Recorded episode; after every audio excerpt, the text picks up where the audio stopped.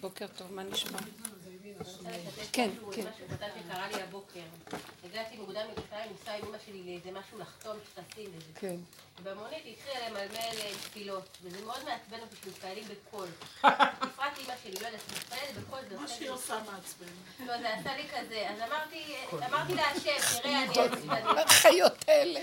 שונאים את זה, אמרתי כן. להשם, אני, תראה, אני אני לא יודעת מה לעשות, אני מתפללת בקול וזה מעצבן אותי, ומלמלתי להשם את מה שאני מרגישה שהיה לי גם שבת מעצבנת, והבן שלי עצבן אותי, וכל מיני דברים. ואז אימא שלי סיימה את ברכות השחר, והיא פנתה אליי, מירי, מה? אמרתי לה, נו, אמרה לי, את גם מתפללת? אמרתי לה, "אה, אה." והמשכתי לדבר עם השם, וזה היה לי כל כך, אחר כך הכל הלך מהר, היה מדהים. נהדרת. הגעתי לשיעור בזמן, טוב, אני רוצה לומר שהדיבור איזה הזה, יופי. התפילה הזאת עם השם, לא ברור. השחר דווקא, הצילה אותי כאילו מהאנרגיות, כאילו, היא אמרה לי תודה, והלכת מהר אתם יודעים מה זה. תפילה? אם כבר נדבר.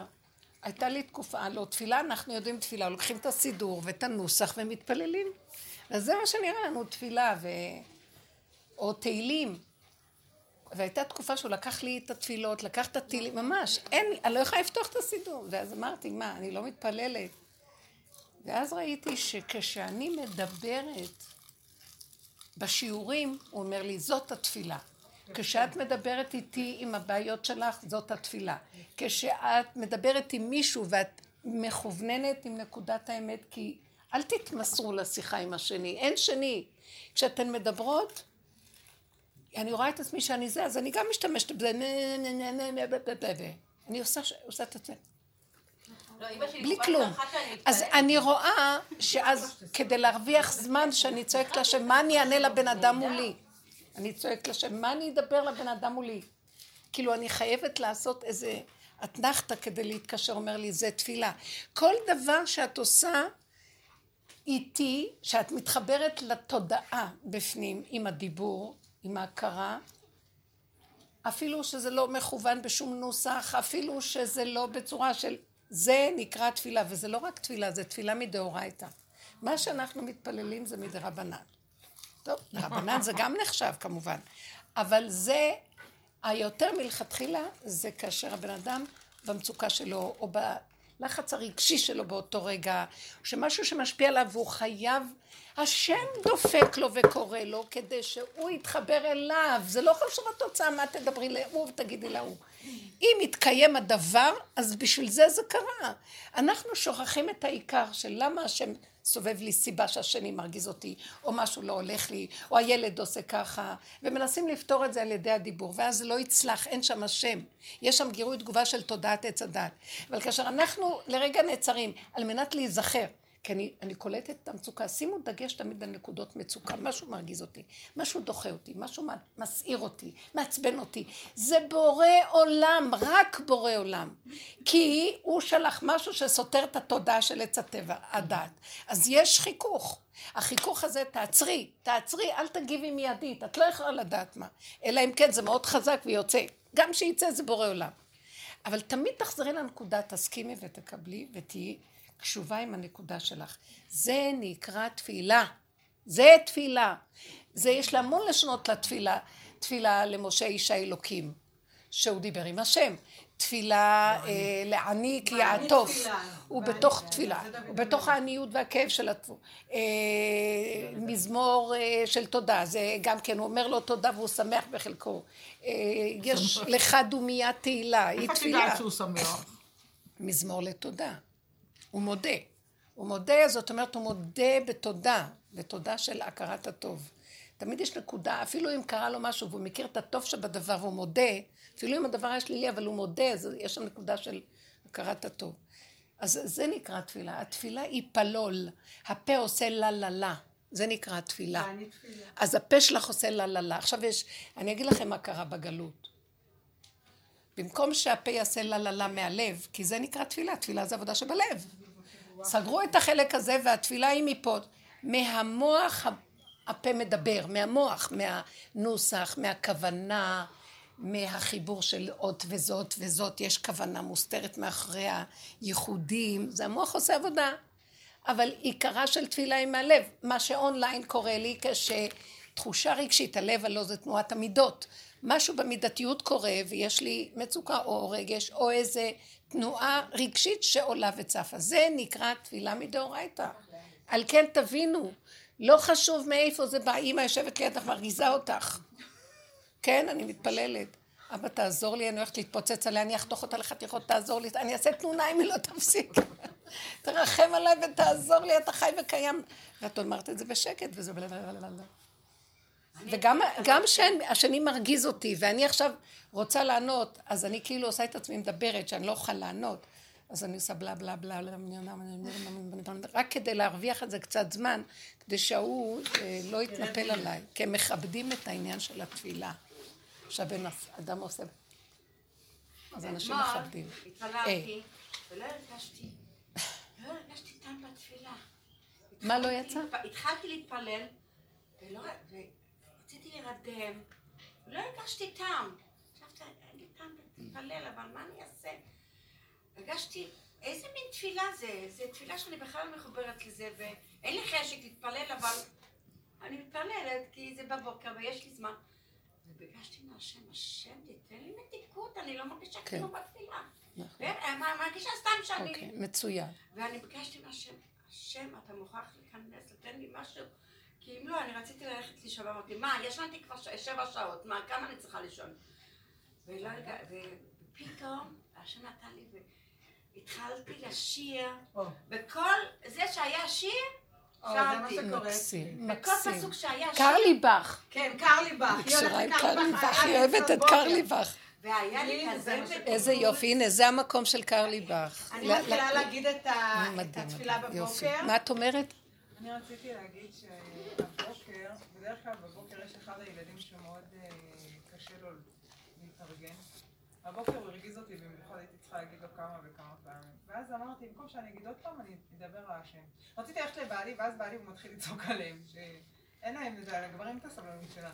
התחיל לצעוק עליהם, ואז הם באמת מיד עושים, הפעם אמרתי, אני מדברת עם אבא שלי שלמעלה, אמרתי, השם, אין לי כוח יותר להגיד לאף אחד, לא לבעלי, לא לבן שלי. איזה יופי.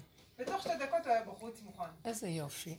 זה המילה, אין לנו כבר כוח להשם. אין לי כוח, תשש כוחי, כלו עיניי, מייחל לאלוקיי.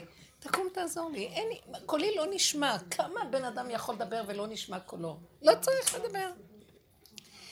מה, תפנו רק להשם, דברו עם השם. תלכו עם הגבוליות. אתם לא יודעים איזה ישועות יש בגבול. כשאני בגבול ואני בחוסר אונים, אני מוסרת לו את זה בלי ייאוש. פשוט אני אומרת לו, אני לא, לא רוצה להיות יכולה גם. מה עוזר לי כל הכוח הזה? אין, יש משהו מתוק בתוך ההרפייה לתוך האין אונים. יש משהו מתוק בזה, כן. לפעמים את מנופפת בגבול, וזה קצת מצדיק את הרוע שיכול להיות מאחורי זה. אז נפלט מאוד, זה היה הגבול שלי. את מבינה? מה רע בזה? מה רע בזה? זה הגבול שלי, הוא מעצבן אותי, אני אגיד לך מה רע בזה. מה רע? אז אין לך כבר את המחסום, כי זה הגבול. אז זה יוצא, וזה חמור מאוד. מה שרע פה זה המצפון שלך כלפי הזולת. שאני לא מספקת לו את המוסר הנכון. זה רע בתוך הגבוליות הזאת. הבנתם מה אני מדברת? אני מדייקת פה להגדיר. עשית, אמרת, זה הגבול שלי, וזה נכון, אבל מה עשית את זה מולו? זה הגבול שלי! כאילו, אז לקחת את הדבר הנכון, והכנסת בו את הזולת, במקום את ועצמך בהכרת, זה הגבול שלי. תעשו מה שאתם רוצים. זה הגבול שלי, אתם כבר לא העיקר. אני עם גבולי, ומי שמתגלה בגבול. זה כאן המקום. כאילו, את בגבול, אבל את עוד נותנת להם את הממשות, אז הם ירכבו על זה והם יביאו אלייך בטענה. אה, זה לא מוסרי, מה זאת אומרת את בגבול, את לא מתמודדת, את לא זה, אז הלכת לאיבוד עם הנקודה. בגלל שבאמת אנחנו בגבול, והגבול הזה זה, זה עבודה, כי לאט לאט אנחנו סוף סוף מוכנים להודות עם כל הכוח שאנחנו בגבול. אבל עדיין השני עוד חי וקיים מולנו. תראו איזה מסכנים אנחנו. אני בגבול, אה!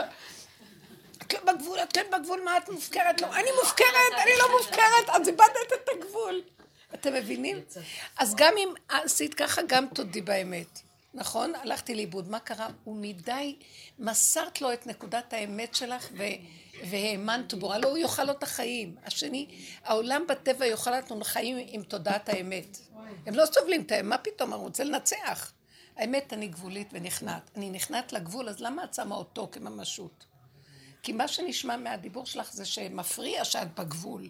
אז אולי זה הפקרות שאני בגבול, כי את עוד רוצה לספק לו את מה שהוא רוצה. אני בגבול, אז הוא לא קיים. זאת אומרת, הוא קיים, תלוי במידתיות. אני בגבול. לפעמים אני זה, אבל כשתזכיר, תזכירי לעצמך שהגבול זה כל הזמן אחורה וגבול. לקחתי את הגבול, ואני במרירות על זה שאני בגבול, ואז ההוא יתלבש על זה, ויהיה עריכת הגבול. אני אצא החוצה מהגבול, מבינה? אבל הגבול מרשה לי לעשות דברים שבאיפוק לא הייתי עושה אותם. את מבינה? זה נותן לי הצדקה. למשל. אני מול בעלי שהוא חולה. כן. וסך הכל, אני, אני צריכה לעשות עבודה ולהיות טובה איתו. ואם אני הולכת עם הגבול, למה את צריכה להיות טובה איתו? אני באה לבקר אותו, אני משפריצה. אני באה עם מוסר. תעודד קצת, את מבינה? אז... ואני באה, זה שקר. כן, כי את באה עם מוסר. למה את באה עם מוסר? האמת הוא לבוא ולהיות טובה. נכון.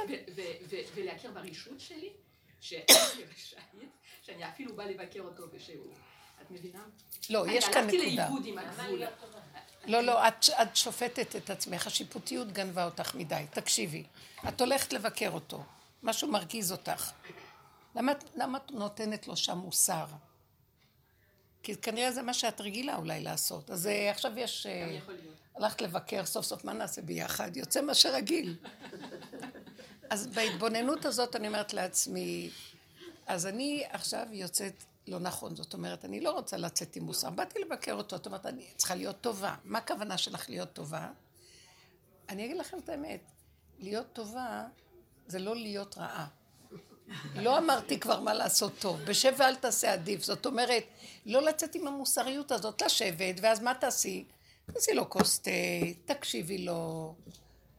זה נקרא להיות טובה, זאת אומרת להסכים שאני בסכנה וזה ישפריץ. זה השלב הראשון של טובה. אז זה נכון שכן, אנחנו צריכים, צריכים לדעת לא להשפריץ. לאדם כזה, עוד פעם הבאתי את כל הביקורתיות והשיפוטיות שהיא בטבעי וזרקתי את זה אליו. אז אני לוקחת את אותה ביקורתיות ושופטת ודנה את עצמי, אל תתני לזה לצאת. אז אני כן משתמשת עדיין בביקורתיות, אבל בנקודה ש, שזה לא יצא. שזה הדומה בדומה מתקן את הנקודה שלי. זה ככה היינו עובדים כל הזמן. ומתאפקת, אז קשה לי, אז הייתי צועקת לשם תעזור לי, אני לא רוצה זה, כי באמת זה מאוד קשה לאדם ביקורתי, שהוא מצדיק את ביקורתיותו, מרגיז אותו זה שמולו שיושב, כאילו נראה לו שהוא גורם לעצמו את הבעיות שלו, ושהוא פסיבי ומרגיז. יש משהו שמעצבן, אני מבינה אותך. אבל באת לבקר. וכשבאים לבקר, זה לא הזמן במצב כזה להטיל, אז תעבדי עם הביקורתיות על עצמך במקום עליו. זה שלב ראשוני בעבודה שלנו. כמה שאנחנו כבר נמצאים במקום יותר פנימי, מדי פעם זה קופץ, אז זה טוב לכולנו. ביקורתיות על השני, כשזה לא מצב נכון, בכלל זה לא מצב נכון ביקורתיות על השני. אנחנו מגיעים למקום של עבודה עם עצמנו בביקורת. ואחרי ככלות הכל, גם עם עצמי, אני לא רוצה את הביקורת הזאת. התהלכתי לפה היום, והייתה לי ביקורת, אני ביקורתית, וזה טיפוס שכלי שיש לו ביקורת. ואז ראיתי שאני לא, לא טוב. אני דנה את עצמי ואני לא רוצה יותר לדון את עצמי, רק לקבל ולהשלים. שככה וזהו, וככה וזהו, וככה וזהו. זאת אומרת, את השני אני כבר לא, אז אני מכניסה לעצמי. עכשיו גם את עצמי כבר לא. ואז אני רואה, זה המוח הזה, לבקר את השני. לקחנו את המוח, לבקר את עצמי. עדיין המוח קיים. נמאס לי ממך! אוי, בלילה חלמתי, עכשיו נזכרתי. חלמתי בחטף. אני, לא, היו עוד מלא חלומות, אבל אני את זה זוכרת. שאני מגיעה לרב אושר, והוא יושב באיזה מקום, ואז אני אומרת לעצמי, אה, איזה שעת רצון, אני מגיעה לפה ואני אדבר איתו. עכשיו, כשאני אומרת לעצמי, מה אני אדבר איתו? מה אני אגיד לו? מה אני אגיד לו? זה שעת רצון, מה אני אגיד לו? מה אני אגיד לו? ואני מנסה לחשוב, מה אני אגיד לו? ישועה כזאת, כזאת, כזאת. ואז עשיתי ככה, לא, לא, לא, לא, לא, ואז שאלתי, עד מתי המוח הזה יעמוד פה? חוצץ. וואו. זה מה ששאלתי, הוא מפריע, ואי אפשר לו כבר. וזה מה ששאלתי, עד מתי המוח הזה? עכשיו נזכרתי בזה. ואז עכשיו שהתהלכתי עוד פעם הוא קם ועוד פעם, ואז אמרתי, אבל אני לא יכולה אחרת. כי ככה אני, אני לא יכולה. המוח רוצה להיות יכול משהו אחר, אז הוא מבקר. קודם כל את השני, כי קל לו לעבוד על השני מאשר על עצמו. אחר כך הוא כבר אומר, טוב, זה את, תעבדי על עצמך. אז הוא שופט על עצמו, גם הוא לא יכול, כי זה לא יכול כלום, זה האימפוטנט הכי גדול שיש באנושות. הוא גנב, רמאי, שקרן, הוא וירטואלי ולא קיים, וייתם כאלוקים עץ הדמיון, וכל היום הוא רק משפריץ. למה אתה לא עושה ככה, ולמה את לא עושה ככה, ולמה זה לא ככה, ואולי זה צריך להיות ככה, ולמה זה ככה, ולא נעשה ככה, והורג את, הבני, את הבריות. אז עכשיו, לא להוציא את זה על השני, כי אנחנו הורגים את העולם. אז על עצמי, ומותר לי להרוג את עצמי, פתאום אני רואה המשוגע הזה אימפוטנט גם בכיוון הזה. כי אני לא יכולה אחרת. האין אונים שאת אמרת ושאת אמרת, אין לי כוח. היא האמת הכי גדולה, אין לי כוח. זה מדומיין שיש לו כוח ואין לו כלום. ואז אני אומרת, אבל אין לנו כוח. או אז יקום בעל הכוחות כולם, והוא ינהל את עולמו. עכשיו הוא מנהל אותם דרכי. הילד צריך לקום, אז הוא יקום. הוא נתן לי את המשפחה, הוא רוצה את המשפחתיות, הוא רוצה את הזוגיות, הוא רוצה את האחים, למה הוא רוצה את כל זה? כי הוא רוצה להתגלות בתוך זה. הוא ברא את העולם לכבודו, אבל זה מפריע לו עד מתי אם לא החשד הזה על הכיסא, מלך אביון, מה שאנחנו אומרים בתפילות, יורד בתחת, בשחת ללא לאות, בתחת, הוא יושב למטה בתחתיות של העולם, וכל כולו רק, ואין לו כלום, מלך זקן וכסיל שעושה את עצמו מלך. אנחנו חייבים לתת לו כוח למלכות הדמיונית שלו, איש שקרן וכזב שכמותו. אז עכשיו, קודם כל זה לא בחוץ, זה התחלת עבודה, אז בפנים, אז גם בפנים לא. עכשיו, אל תדוני אותו, אל תדוני גם את עצמך, למה את כזאת. אז אם נפלת, נפלת, קמת אחרי רגע, העבודה היא צריכה להיות מאוד פנימית. השני הוא כבר לא האובייקט שלנו בכלל, הוא רק הסיבה שדרכה אנחנו רואים את המציאות של עצמנו. זה, תדעו לכם, זו עבודת אינטליגנציה מאוד גבוהה. אתם צריכות להתחיל להבין, העולם בחוץ, כל הזמן ימשוך אותנו, אנשים כמו חתולים כלבים, גירוי תגובה. כמו הכלבים של פבלוב שעשו בהם ניסוי. רגע עולה האור האדום, הריר עולה להם. רגע מורידים, הריר יורד. אנחנו כל כך תגובתיים. זה רמה? יש רמה אחרת. קודם כל האיפוק הזה והשאר. ההכרה, אם יש לי איזה מוח, אז זה הכרה. השיפוטיות היא לא לצאת החוצה ולא לשפוט ולדון את עצמי, וגם את עצמי להפסיק לדון. קו האמצע. לא ברעש השם, שמה הוא מתגלה, תיקח את עולמך לידיך. כי אין לי יכולת לעשות כלום. או, הבנתם? הבנתם שזה רק דמיון שאתם חושבים שזה אתם, ואתם גנבתם לי את המנדט, ואתם מנהלים את העולם, ואיש נתקל ברעהו, ועכשיו הכל מתגלה בחוץ. אנחנו עושים עבודות פנימיות, ואני ראיתי את עצמי מטומטמת, הרסתי את עצמי במו ידיי. אבל אני מסתכלת, אני רואה עכשיו שזה גם בעולם. מה שאנחנו כבר עשינו והגענו לגבוליות שלנו, אז העולם מתחיל להתעורר, וכולם רואים, זה הצגה, זה נורא ואיום מה שקורה בחוץ. זה לא, זה לא הגיוני. כאשר נורא מצחיק, אתם יודעים מה?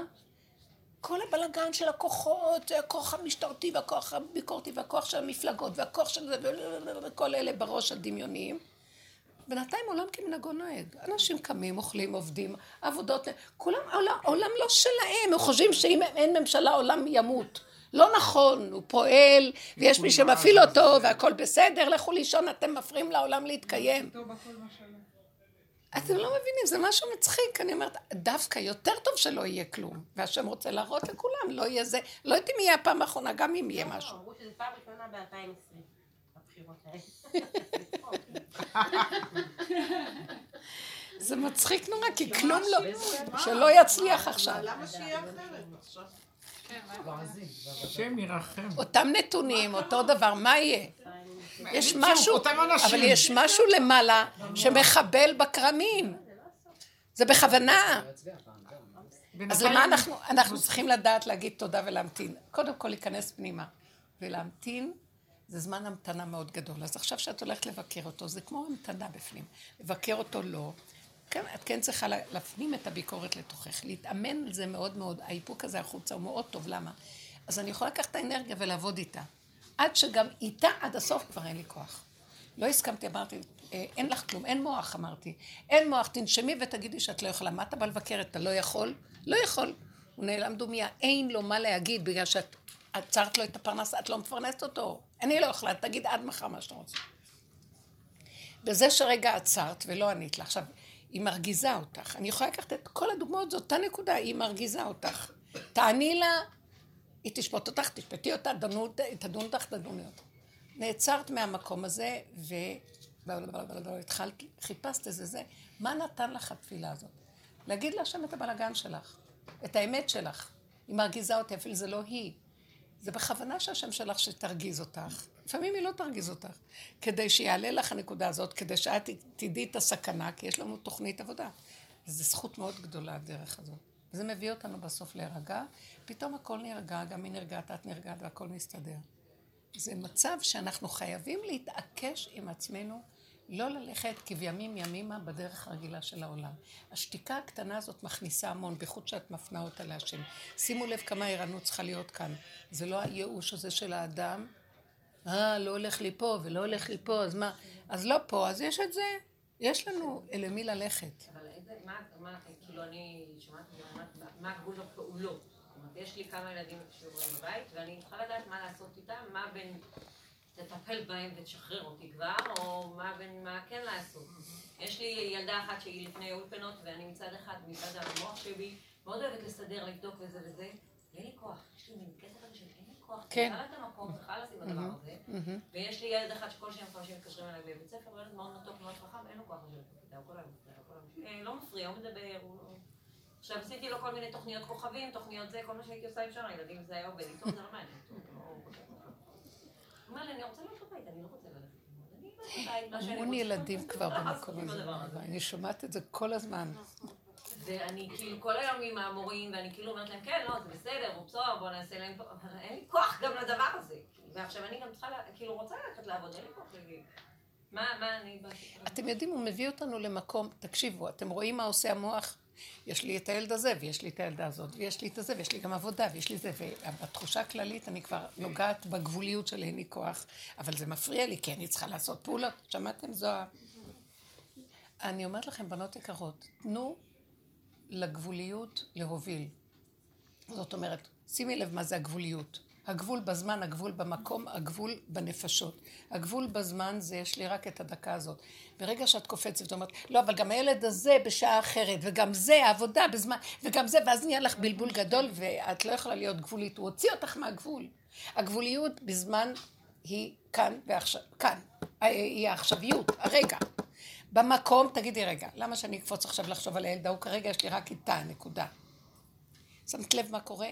את איתו נגיד שזה עכשיו מיידי, וברקע יש לך גם אותה, זה מחליש. לא צריך להיות לך ברקע כלום. גבוליות של כאן ועכשיו, והנפש שאת איתה עובדת הרגע. כאשר הגבוליות מובילה. הבנתם את המקום הזה? ברגע הזה, זאת, הילד, הילד צריך לצאת והוא לא יוצא כמו שהיא תיארה.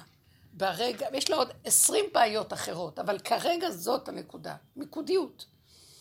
אז עכשיו אני צריכה להיות ממוקדת ולהקטין את הנקודה, אז אני יכולה לעמוד בגבול, כי המוח מרחיק אותי מהגבול על ידי האפשרויות הרבות, וכבר נחלש לך הגבול. תקשיבו, תתמסרו לגבול. זה מה שאני מתכוונת, הגבול, הוא מטפל במוח הזה, כי המוח לא יכול לסבול את הגבול. מה, מה? המוח זה אוויר, והגבול הוא אדמה, גבול, עצמות, גדר, סייג.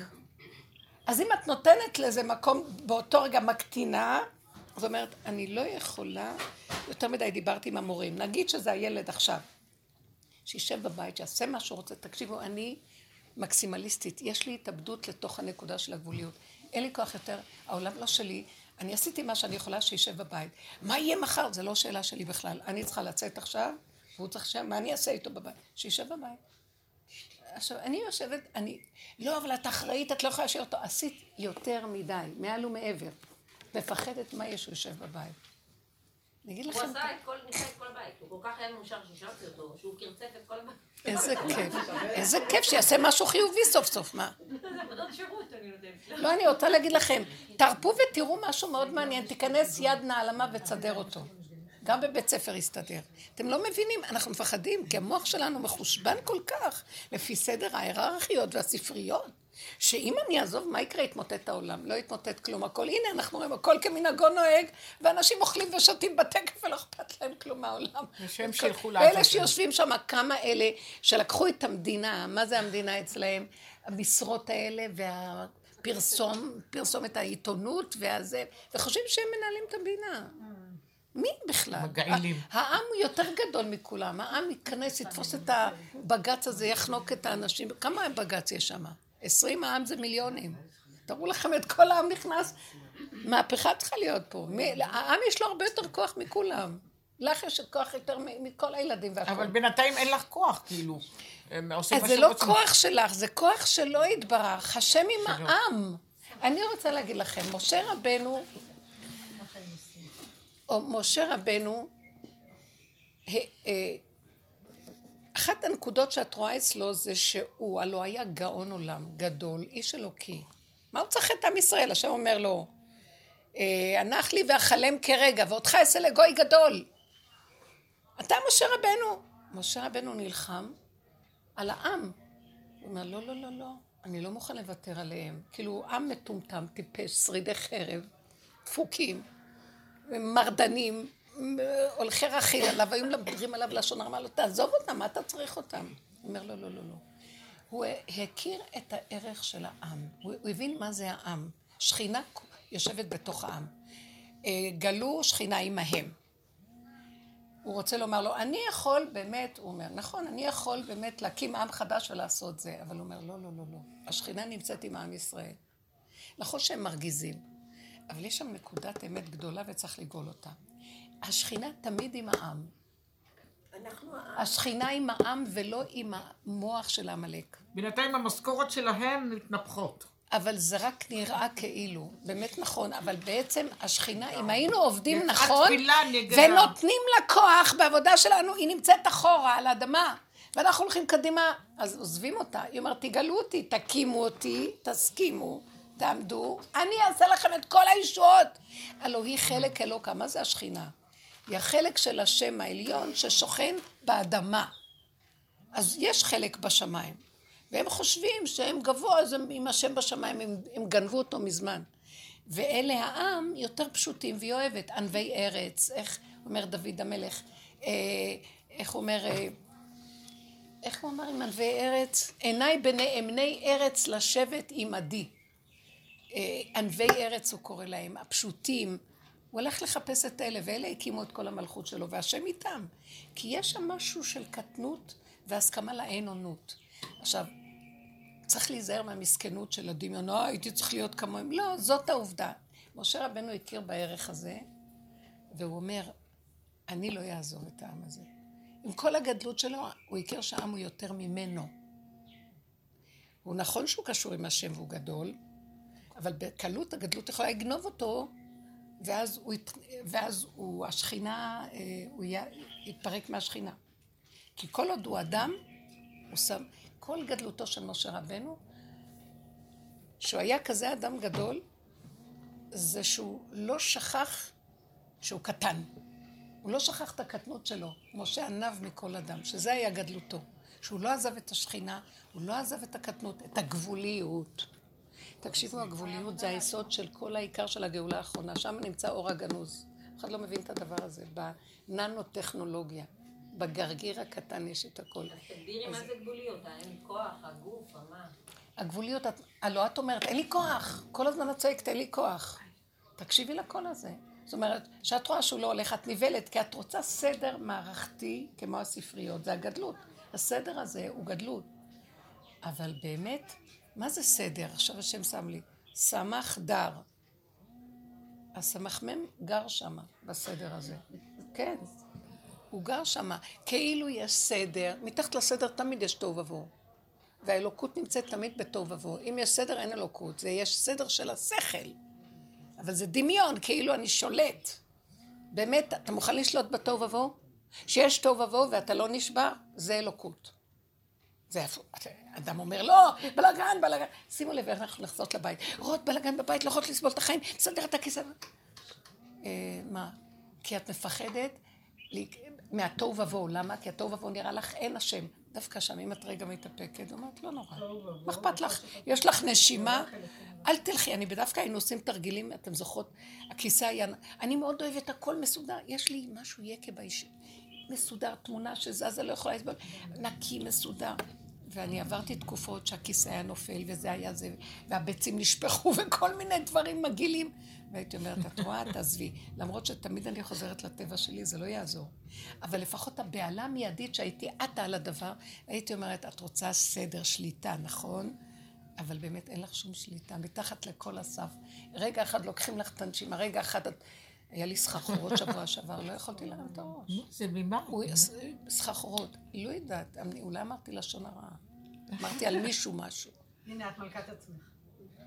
את רואה? לא. אחרי, התחלתי להלקות, אחרי רגע אמרתי, רק תכירי את העובדה ותגידי לו, אני לא יכולה לא להגיד.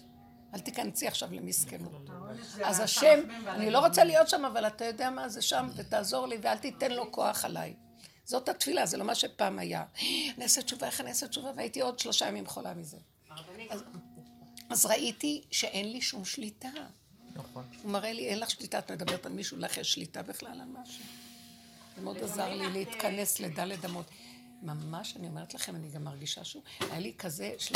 אני עד עכשיו, זה כאילו, בשלושה ימים, והרגשתי שהוא, היה לי, אני לא סיפרתי לכם, לא.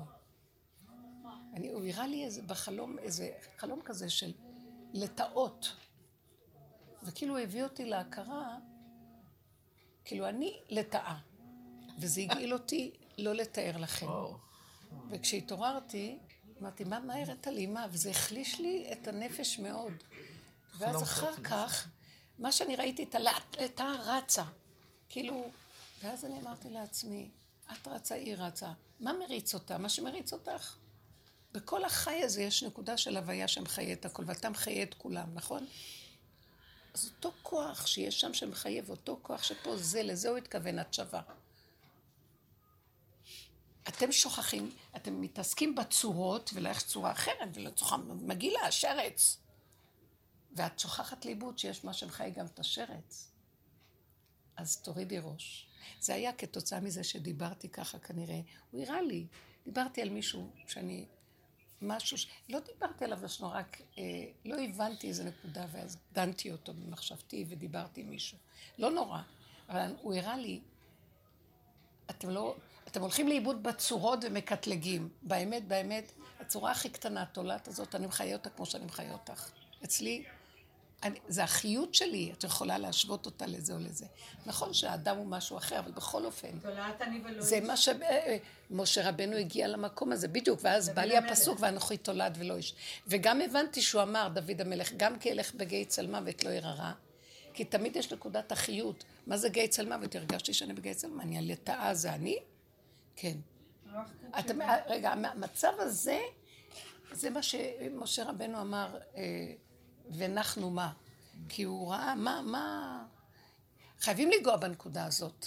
ואז תפסיק, פתאום אני רואה, כשאת נוגעת בנקודה הזאת, מי את בכלל? שאת כל כך היום בבהלה עם אחיזה, סדר את הילד שלי, הוא לא הולך לחדר, הוא המערכות המטומטמות האלה, אני מתה עליהן, מי הם בכלל? מי סידר אותם? מי סידר שככה צריך להראות את המערכת?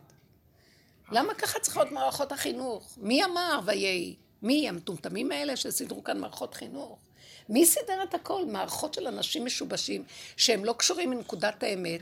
יש להם איזה שכל מסוים, אבל הוא עלה על עצמו על גדותיו, אז אני צריכה לדאוג להם ולעזוב את הנקודה של האמת, וזה הביא אותי לשפלות.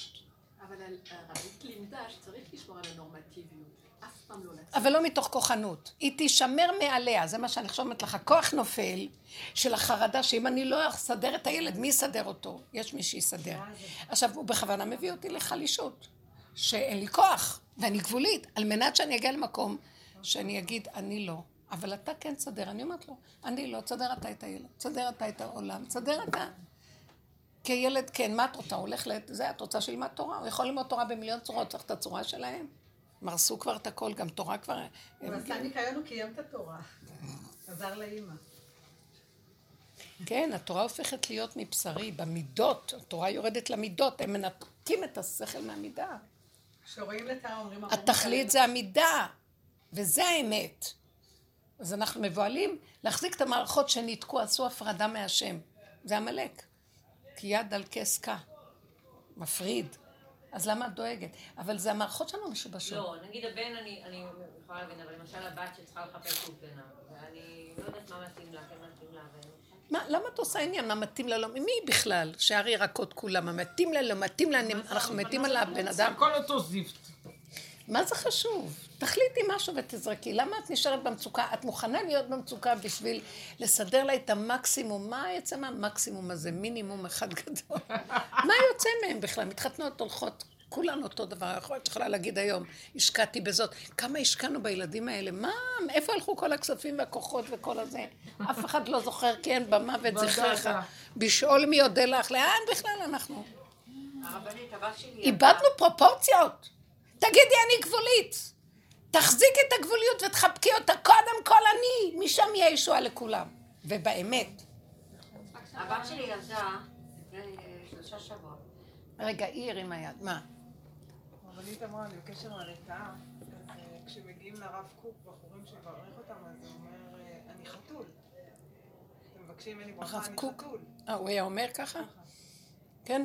אתם יודעים משהו? זה מה שאמרתי לכם, עם אני, אני והחתול אוכלת אה, שם בשבוע שלהם. אה, באמת הרגשה מאוד חזקה. עכשיו הביא לי את הלטאה. עוד חתול מילא, אבל לטאה זה באמת מגעיל. וואו. זה היה, הייתה לי טראומה מזה, אני אגיד לכם את האמת, לא היה לי קל בכלל לא. כשרואים לטאה רבנית, אומרים ארור מקלל נפשי. ואני מדרך הדרך הזו וזה, ראיתי לטאה, אז אמרתי, איזה מתוקה. את למה שאני אקלל אותה? תקלל אותי בחזרה. מה, מה, מה אומרים? אומרים ארור מקלל נפשי. כי לטאה כאילו מקללת. ואני ראיתי לט- לטאה, אז אמרתי לה, במקום ארור מקלל נפשי, איזה מתוקה. השם ברא אותך, את מתוקה. אז היא לא תקלל אותי. לא שיתקלל אותך, לא תקלל אותך. באמת אני... ארור מקלל נפשי, זה בדיוק החלום. עכשיו זה הסתדר לי. את חושבת שהיא לטאה ואת בן אדם. יש בה חיות אלוקית. מי הלטאה בכלל? יש משהו שמחיה אותה. ארור מי שמקלל את החיות שבתוכה. זה הכל אני. לכן גם צריך להיזהר לא להרוג את החיות הקטנות האלה, וזה אם לא צריך. לכן אמרתי לה, איזה מתוקה. את. אני לא יודעת, דרך השיעורים, וזה בא לי כזה, שלא להגיד ארור מקלל נפשי. את כל כך מתוקה. השם ברא אותך, יש בה חיוך. זה לא היא מקללת אותי ולא כלום. יש שם הוויה, גם בדבר המגעיל הזה, שם יש חיות אלוקית ולא בכל דבר יש. המוח שלנו הריץ אותנו, עושה סדר ומגעיל אותו. אבל הוא הגנב הכי גדול, הוא, הוא, הוא הכי מגעיל, עמלק כזה. הוא עושה את עצמו נקי, הגרמנים. נאורים, מעולים, רוצחי אדם. נורא ואיום מה שהם עשו. רציתי להגיד שהבת שלי, אז עכשיו זה בשבת, היא הייתה אצלי. לא רק שרציתי, זה כבר השבת השלישי שאני מכינה להם. בשבת הראשונה היא ילדה. אז הם באו אצלי לאכול ביום שישי, נכנסה לבית חולים. היא ילדה ממש בשבת. ואחר כך, לפני שבוע, היא הייתה אצלי בשבת, אבל לא, כל השבוע היא לא אצלי. עכשיו גם כן היא הייתה אצלי, והיא שלחה את כל הילדים שלה, לבני ברק, לבית שמש. היא שלחה והיה שקט, רק היא הייתה עם התינוקת. ועוד בן שהיה לו הרגיש טוב, וזה היה מאוד נעים, נחמד לו פשוט. ואחר כך אה, באים בחזרה שלושה ילדים שלהם, קטנים, היה 11, ואני כבר רציתי שהגעתי לך הביתה, אין לי כוח היא גרה על ידי. ופתאום שלושתם, הילדים שלהם, הם באים אליי. אני חושבת, למה הם באו כאן? למה הם לא הלכו הביתה? והם והיא אומרת לי שבעלה בבית, הוא שלח אותם אצלי. והייתי כל כך מורידה בעלה. מה זה הפקמה? למה לא שולח אותה כאן?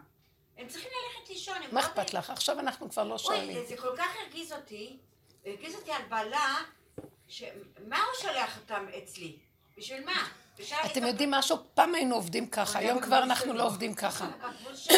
היום אנחנו רואים שלושה ילדים הגיעו, ואני גבולית, אז בתוך הגבוליות תגידי בורא נאמן, לי אין כוח לעשות כלום. למה לא קיים כבר? כי זה בורא לא שלך סיבה. הבעל הזה, נכון, אם אני ארוץ שמה, זה לא כדאי לי. כן, אני מאבדת את הגבול. אל תאבדו את הגבול. הגבול הוא שאני לא יכולה, יש לי התנגדות. אני מוסרת את ההתנגדות להשם, אני לא יכולה להילחם. רק אתה ותסדר. אני יכול, את רואה אחר כך, אני למדתי, אה, זה קורה לי, שאני אפילו יכולה ליהנות ממה שאני מתנגדת. פתאום אני נרגעת, והילדים מתוקים, אני נותנת להם איזה סוכריה, הולכת עם הספר שלי, הולכת לעשות איזה לא דבר. להגיד למה, כאילו אני הייתי מרוגזת מאוד על בעלה. פעם עשינו את זה ועשינו עבודות. ראינו את הרשעות שלנו, אתם זוכרות? והיינו נותנים הרבה דוגמאות של דברים כאלה. היום כבר זה לא עבודה. היא רואה את הרשות שלו. לכו למה לגבול. הוא ככה, ככה, היום עובדים עם ככה, אין למה. הוא בגבול שלו היה כנראה. גם היה אנחנו. בתהליכים עם מיסר לגבי דיווח לאומי. לא, אני, כל מה שהשם שולח לך זה שעכשיו העבודה היא רק לעמוד בגבול, בלי למה. הוא שלח את כל זה להראות את הגבול שלך. אז איך אני עכשיו אטפל בה אם אני בגבול? תני לי את הגבול ואני אטפל. תני לי את הגבול שלך, אני רוצה שתגידי, אני לא יכולה. אבל לא בייאוש ולא בכעס, אה, ולא בפיקורתיות, אלא אה, עובדתיות. אני גבולית, אין לי כוח, ופתאום את נרגעת, המוח הזה נופל, ויש מי שנכנס בפעולות שלך, ונותן ואת עושה וזה, והם נמצאים, ופתאום הם גם בורחים לבית בחזרה, לא, ילדים לא מחזיקים הרבה. הם זמני, הכל זמני, הוא נכנס בזה. לכי על הגבול, הגבוליות עכשיו מאוד עוזרת. תשמרו את האנרגיות להישאר בגבול. את ראית את אימא שלך מרגיזה אותך? כנסי לגבול. תחפשי שם איזה משהו כדי שלא תצטרכי לצאת מהגבול, איזה אה, תכסיס, משהו. אבל כל הזמן להיות בגבול, לדבר עם השם. הוא מתגלה ועוזר. אני ראיתי, זה כבר הופך להיות דקות בעבודה. העבודה היא כבר נהיית דקה בעצמות, היא כבר לא פה, והמריבות והביקורת, ואני רע, ותכירי את הרע שלך, ושזה לא הוא, זה... די, כבר אין לי כוח, תמיד זה הכל בורא עולם. תראו, זה לא קל, כי אנחנו כל פעם מחדש, העולם גונב אותנו, שאנחנו מאמינים לו. מאמינים שזה ההוא שלך, אבא שלך. אבל עוד פעם ועוד פעם. אני קמתי על הלטאה הזאת, אחר כך אמר לי, לא, זה אני בתוך הלטאה. שלא תחשבי את עצמך, כנראה זה היה קשור ללשון הרע.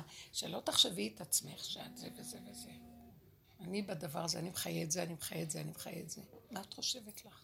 אה, אנחנו בתהליכים עם הבן לגבי ביטוח לאומי. כדי כן. לקבל תקציב של ביטוח לאומי. ועוד מעט יש לנו ועדה. ואני לא רוצה, לא רוצה טיפה של מחשבה של סבל לגבי כל התהליך הזה. לא רוצה אותו. אני לא רוצה להיות בחרדות. אה, לא רוצה לתת להם משהו. מה החרדות? שמה, לא תקבלי תקציב? לא, לא, לא, החרדות זה ללכת לוועדה ולראות את כל האנשים החשובים האלו שפשוט מתחילים לעשות אלף שאלות. המוח שם- אתם רואות? לא, בסדר. כי אני רואה את המוח, צודקת, ככה אנחנו חיים. ואז יש חרדה עוד חודש לפני לא- שהולכים בכלל. נכון, אז בגלל זה אני לא מסוגלת. היום בגבול שלי לא לתת אפילו טיפה מחשבה לנקודה מקסים, הזאת. לא מקסים. מסוגלת, לא מסוגלת, אז אני מתפללת על זה, כי אין לי כוח לזה. אין לי כוח לזה. אין לי מקסים. כוח. אין לי כוח לתת למוח לרוץ על המחשבה. לא אין לי כוח לוועדה. איזה ועדה צריך להיות לי כוח, הלוא הם יעשו. אני, אין לי כוח לתת למוח שלי לעשות ממשות מהציור הזה, שאחר כך יפריע לי וייתן לי חרדות וכאבים. אין לי כוח. אין לי כוח. אז תגידי להשם, אין לי כוח, תרחם עליי, תסגור לי את המוח. זה מה שאמרתי לו בחלום, עד מתי המוח הזה יפעל? הלוא הוא לא נגמר, מה, כמה אפשר לעבוד ולעבוד ולעבוד? די. באמת אני, אני קולטת, אבל זו חוויה שאני עוברת, שהמוח שלי נופל כזה. הייתה לי שבת שהבנות, קבוצה של בנות שבאו אלינו לשבת, מה, מהדרך, קבוצה של מירושלים. מקסים, הייתה שבת מדהימה. ולא, הייתי כמו, אני הרגשתי, וזה קורה לי, שאין לי מוח. כאילו, זה קצת הפריע לי, הן היו הרבה יותר חכמות ממני. והייתה אווירה מדהימה, המוח שלי לא הפריע. כאילו הוא שם אותי באיזה פינה בצד ולא הייתי בראש השולחן. מראש הזמן ראיתי ישר שאני יושבת באיזה פינה. ואז פתאום שמתי ששם אני יושבת כל השנה בשבתות. וזה פעם הייתי יושבת במקום שהיו רואים אותי. כבר מזמן לא רואים אותי, אני בקצה השני עכשיו. זו שולחן מרובע, אלה שישבו כאן לא ראו אותי בכלל. אז אני רואה, הם ביניהם, כיף להם, ואני בצד. אבל לרגע, זה היה מין רגע של מוח. ואז אמרתי, תסכימי, זה נחמד. כולם לא צריכים כלום, מדברים, והן מדברות, ובדרך ואחת עם השנייה, ואיזה כיף היה, כולם דיברו והיה להם, כל אחד הייתה אמורה שם, כל אחד דיבר, כל אחד אמר, כל אחד, ולא היה צריך כלום. והיה איזה רגע שפה להגיד איזה משהו בעבודה, ופה להגיד איזה משהו בעבודה. שום דבר לא עושה. המוח, כאילו היה לי, ליווה אותי משהו של, המוח נופל לי, רק שלא יראו שאין לי שכל. אבל זה לא ככה בכלל. כי זה שזה נפל עשה אחדות מדהימה.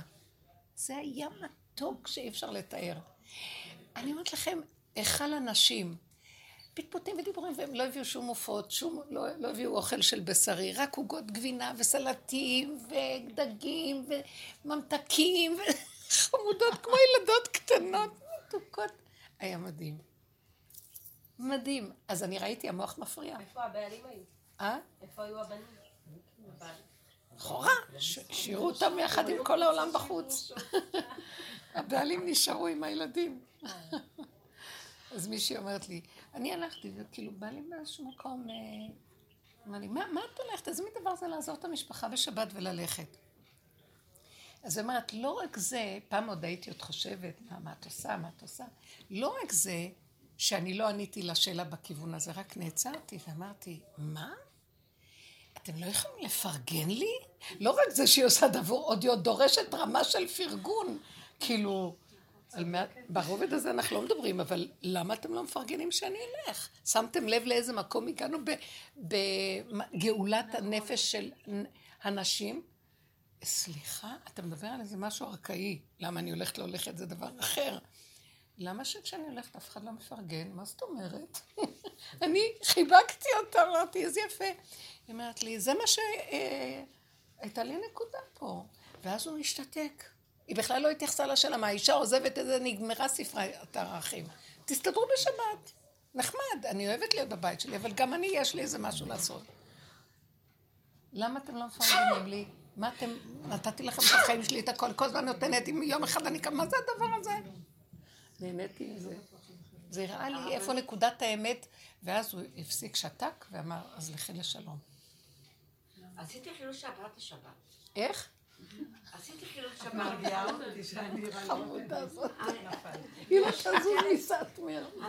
לא, היא מרגיעה אותי. לא, היא נהדרת, היא עושה תיקון אומרת, לכל. רק- יש לי טלפון, שמתי שאני שם את זה, זה זה שזה מתמלא, זה לא חמודה. בסדר. ויש לי שתיים, ואחד עושה עושה לכם כל הזמן זה ככה. טרו, טרו, עוד דבר, עוד דבר. כל הזמן זה חוזר, אפילו 24 שעות זה יכול לחזור. ואני רואה חצי שעה אחרי הזמן, יותר. של הדלקת נרות. זה עכשיו כל השבת? יעשה לי? חור בראש. אני לא מסוגלת. לא מסוגלת, אני אומרת... היית שמה אותו מתחת למיטה באיזה מכוסה לא ביחד. יכולה, לא, זה עומד שמה, אני לא יכולה. ואני אומרת לבת שלי, וואי, מה אני אעשה כל השבת, אה, היולדת שהיא שמה, כל הזמן, השבת שלי, והיא הייתה בחדר. דקה אני לא יכולה לסבול את זה. יפה מאוד. והיה עליית הנרות, אז פחדתי ככה לעשות, כי זה אולי זה יהיה... שימו לב, מה זה חשוב אם זה ככה? לא, אני לא ידעתי מה... אבל זה ככה אומרים שינוי, יעני, חשבתי, קוראים- אומרים לך שינוי. זה כל זה לא. הזמן הדליק ונכבה. הדליק ונכבה, כל הזמן זה עשה ככה. כמו שאת שמה, את רוצה למלא את הטלפון, נכון? את שמה כן. את זה, זה עושה כזה, טרור, זה עושה כזה, אז זה עשה כל הזמן ככה, כל הזמן. נדלק ונכבה, נדלק ונכבה.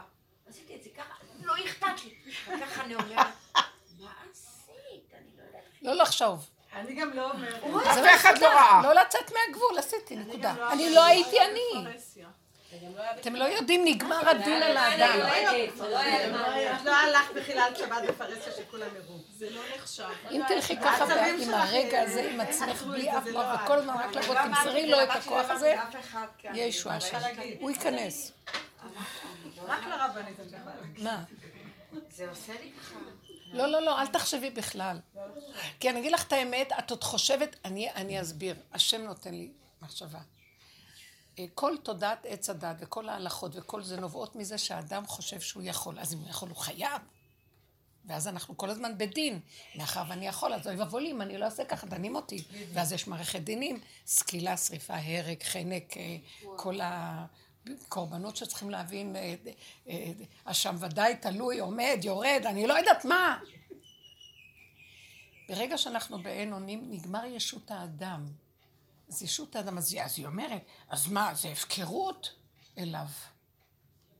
כי הוא יגיד, ברגע שהוא אומר, אז מה, אני בהפקרות ישר, יגידו לו, נכון, אתה לא בהפקרות. נותנים לו תשובה מיד, אז אתה חייב. ברגע שהוא אומר, אני בהפקרות אליך, כי אין לי לאן ללכת, אוי לי מיוצרי ואוי לי מיצרי. כי היצרי מפיל אותי לסגור, כי הוא לא יכול לסבול את הזה. יוצרי אומר לי, תקבל עונש. אז אוי לי מזה, אוי לי מדיני שמיים. ואני עומד בחסר אונים, ואבאלה, אין לי כוח לכל המערכות האלה. אני ילד קטן, טעיתי במדבר הזה, טעיתי כשה עובד. אם אתה לא מתגלה ומחזיק את הילד הקטן, שיש לו נשימה, שיהיה לו טעים ונעים כאן ועכשיו, הרגע המינימלי הקיומי שלי, במחשבה, בהרגשה ובעשייה. זה, זה תמיד המדרגות שתמיד יישארו, אפילו שיש לו משבצת הכי קטנה מחולקת לשלוש. שהמחשבה לא תבלבל אותי, ושהרגש לא יסעיר אותי, ושהפעולה שלי תהיה קטנה וממוקדת כאן ועכשיו. תן לי לחיות. אתה הבאת, אתה, אז פתאום השם אומר לה, אני הבאתי אותך בשביל שתהנה מעולמי. והכל בקטן ואיטי, ואני אשמח אותך, בשביל זה ישמח השם במעשיו, וישמח ישראל בעושיו, וככה אנחנו חיים. עזבתם אותי והלכתם על הגדלות של המוח, ואתם אתם נתקעתם בתוך הדין, ועכשיו יש דין, כן, בטח שיש דין. העולם לא הפקר, את בעולם של תודה, כשאומרים עולם, כוונה תודה של עץ הדעת טוב ורע.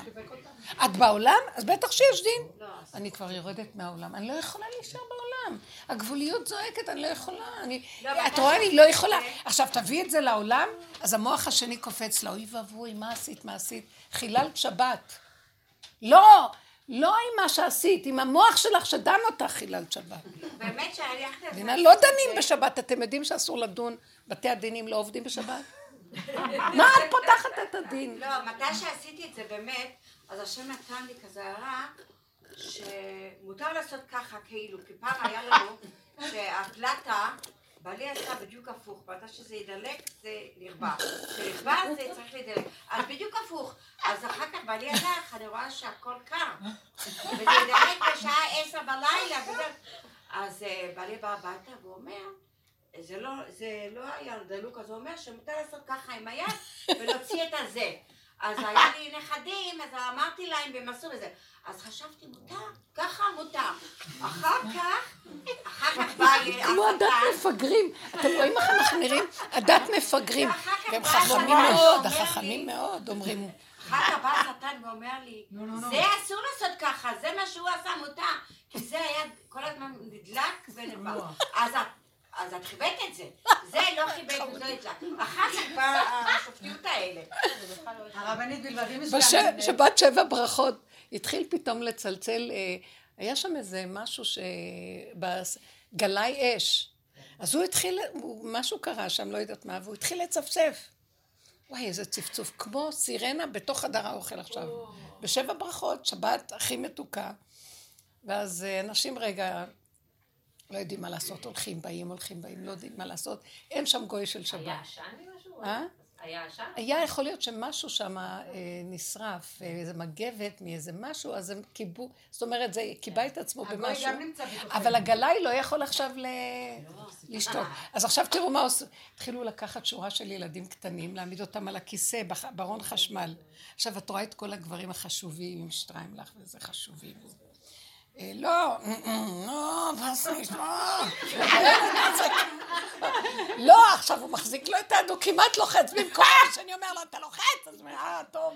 טוב, הילד הזה לא צלח. הביאו ילד, איזה עשרה ילדים, והם משחקים על הלוח, ונהנים מהלוח, ועוד מעט ידליקו אורות אחרים, או דברים, או יכבו את האורות.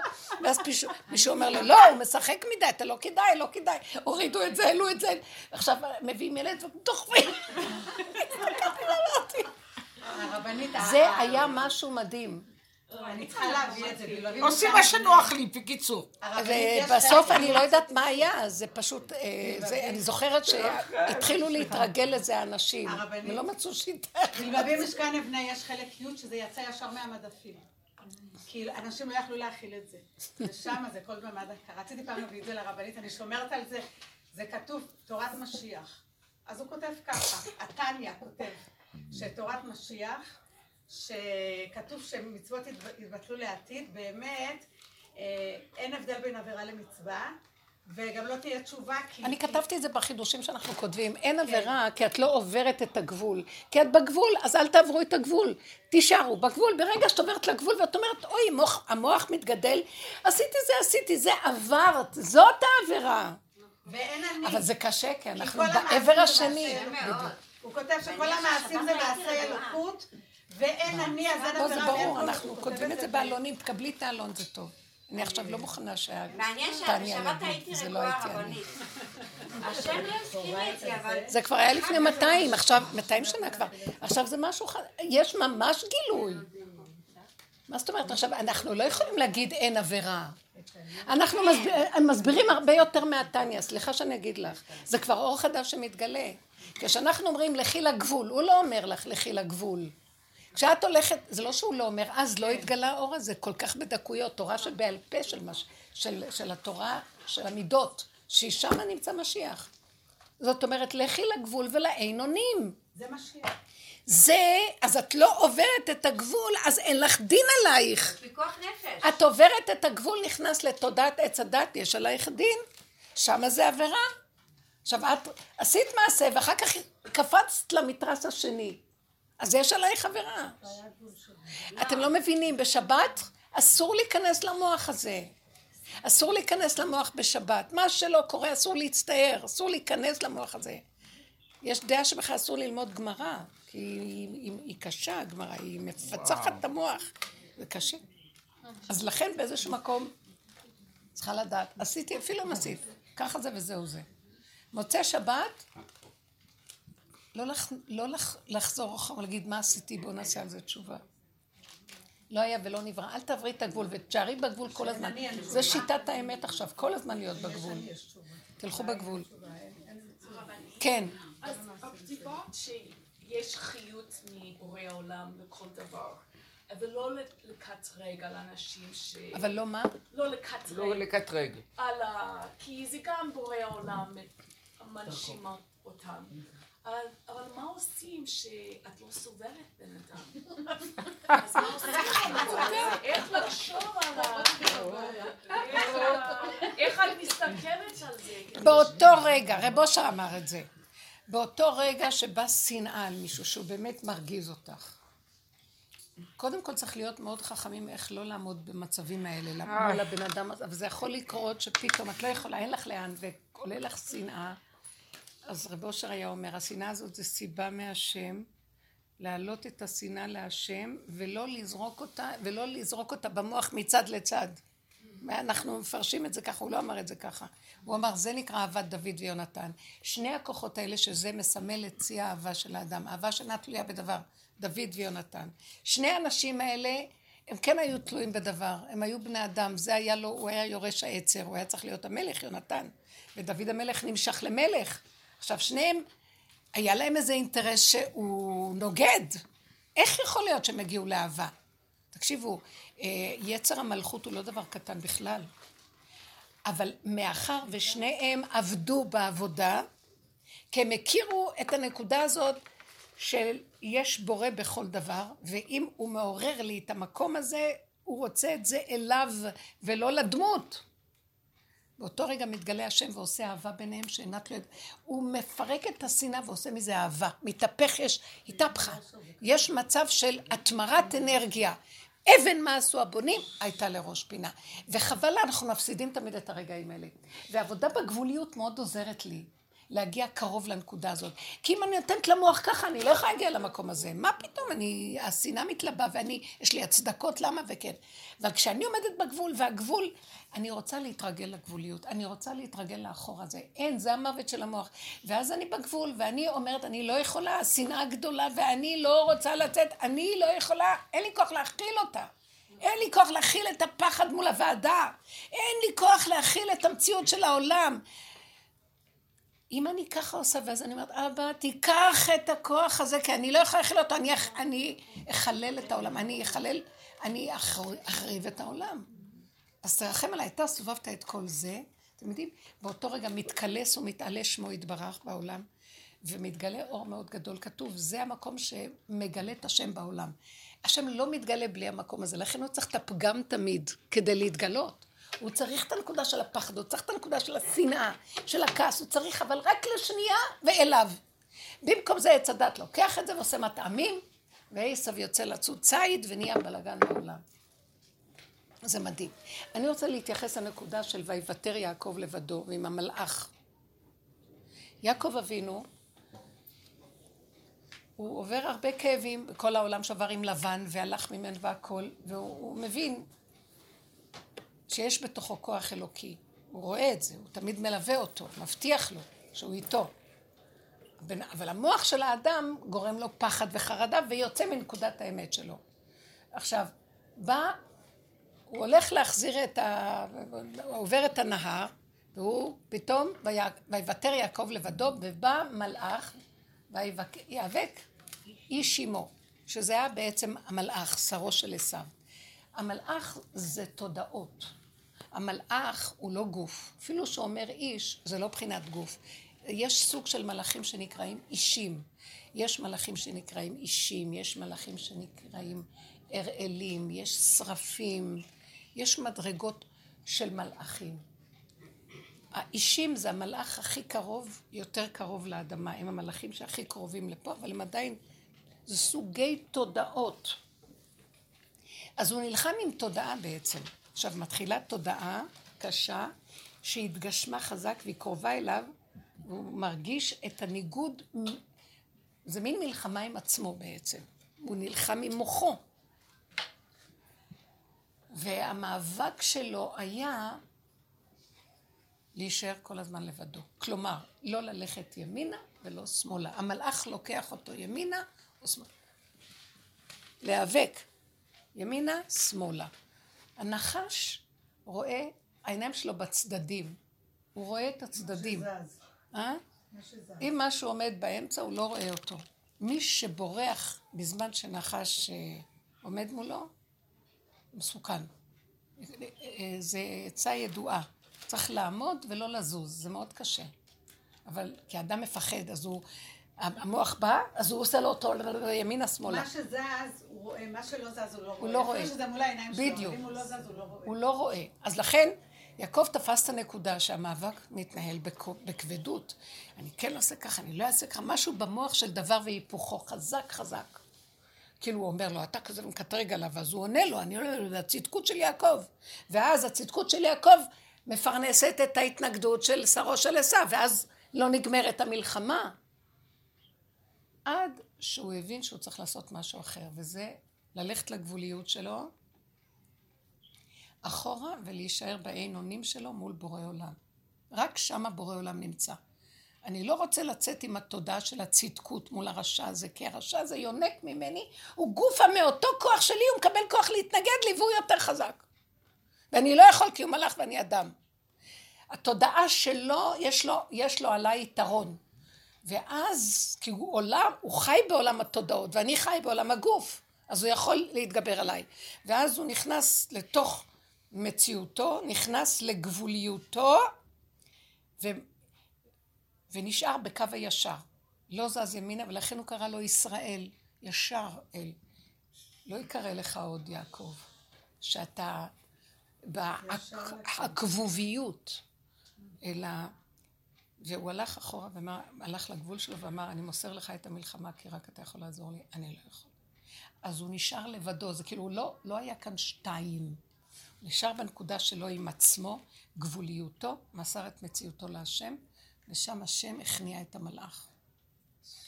ולא לפני שהוא נגע לו במשהו, כאילו באיזשהו מקום, המאבק בכל אופן משאיר אותנו ככלות הכל באיזשהו מקום רצוצים. זה מאבק קשה לעמוד בקו האמצע. כל המח, המאבק מול המוח והפחד, הוא משכנע אותך ואת לא, וכן וכן. יש משהו שאנחנו תשושים, וזה עוד יותר טוב לגבוליות, זה התשיש אותו והביא אותו לגבוליות. והגבוליות, התשושה הזאת, הייתה המעלה באותו רגע למסור את הכל להשם. אז ותקע כף עיר. אבל אחרי כן, הכתוב אומר, אחרי כן, והשמש הזריח לו שמש מרפא בכנפיה. שהשם, הוא רואה את העבודה שלנו, הוא רואה את הכאבים. אנחנו מתים וקמים, תראו, זו עבודה מול תודעה מאוד קשה. זו עבודה מול המלאך. אנחנו לא עובדים כאן עבודה מול בני אדם. אז זאת אומרת, מה את נתקעת בבן אדם? זה מול תודעה. תהיינה חזקות, אתן לא יודעות איזה כוח אלוקי יש בתוכנו שמחכה לישועה, ודווקא מאנשים. כי הנשים יכולות להגיע למקום הנמוך הזה. אז תלכנה, כי הגברים מאוד קשה להם להגיע לאין אונים.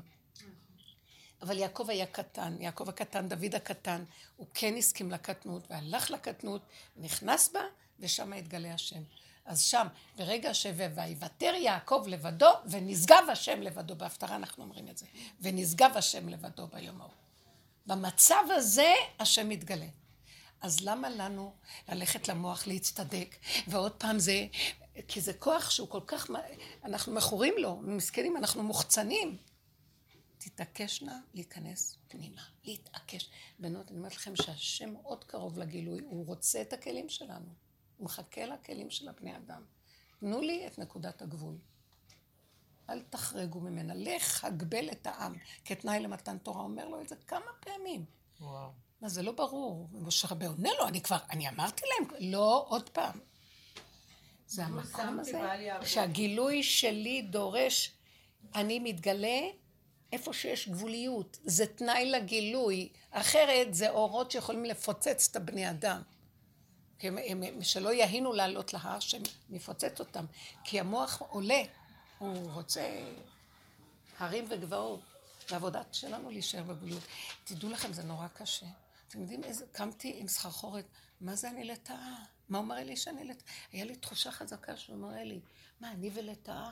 עד כדי כך?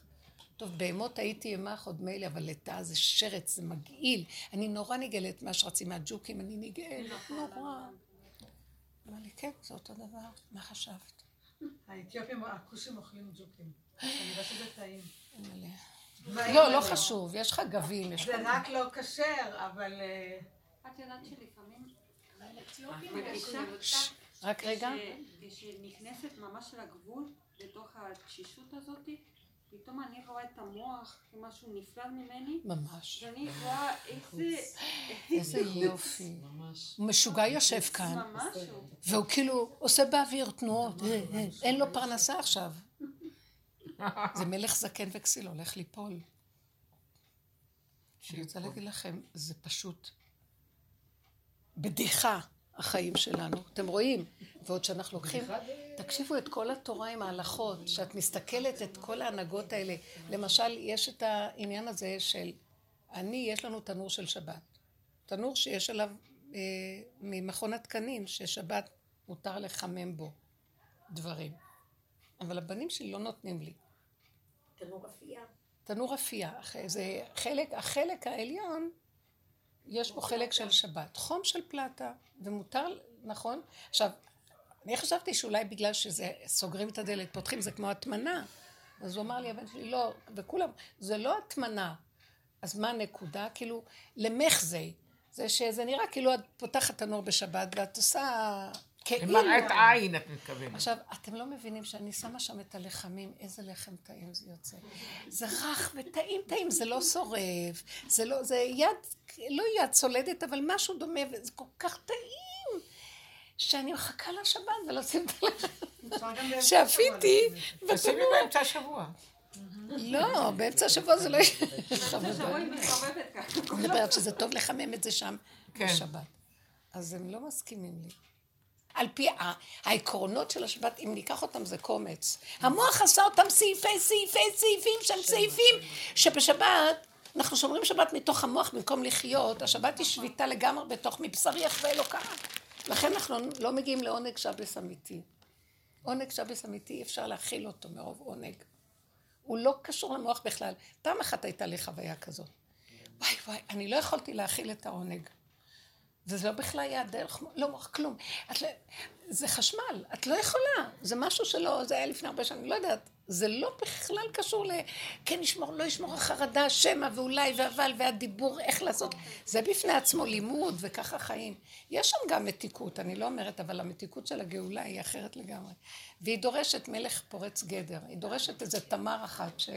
תעשה מה שאף אחד לא מוכן. והיא לא עושה את זה מעצמה, זה משהו שמכריח אותה הגבול, היא לא עשתה את זה מעצמה. היא לא באה והחליטה, אני מצפצפת על כולם. הגבול הכריח אותה, אני ראיתי, מה? אה, כן. פעם הייתי במלון, ואחרי שהייתי בזה, אז אמרו שפעם בשנה מגיעים פה גויים. אז אמרתי, המיטה הזו ישן איזה גוי או גויה. ואם תחשבי שמי שמסדר לך את המיטה זה איזה ערבי שהוא מנסר ואיזה... ברגע הראשון היה לי כזה צמרמורת, אימא לאלף לישון ישן על הרצפה, אחר כך סגרתי מהר את המוח ו... היהודים צריכים לעבור הרבה כדי לפרק את כל החשיבה הזאת, כי ממש. זה דמיון, זה הכל דמיונות, אין כלום, יש כאן ועכשיו והרגע, ולא רואה ולא שומעת ולא שום דבר. יותר מהלטאה. הבטלר העיוור, הבטלר החידש. כן. יפה, יפה, יפה, זה השבעה בטלר של רבי נחמן. לא רואה, לא שומע, הוא לא רואה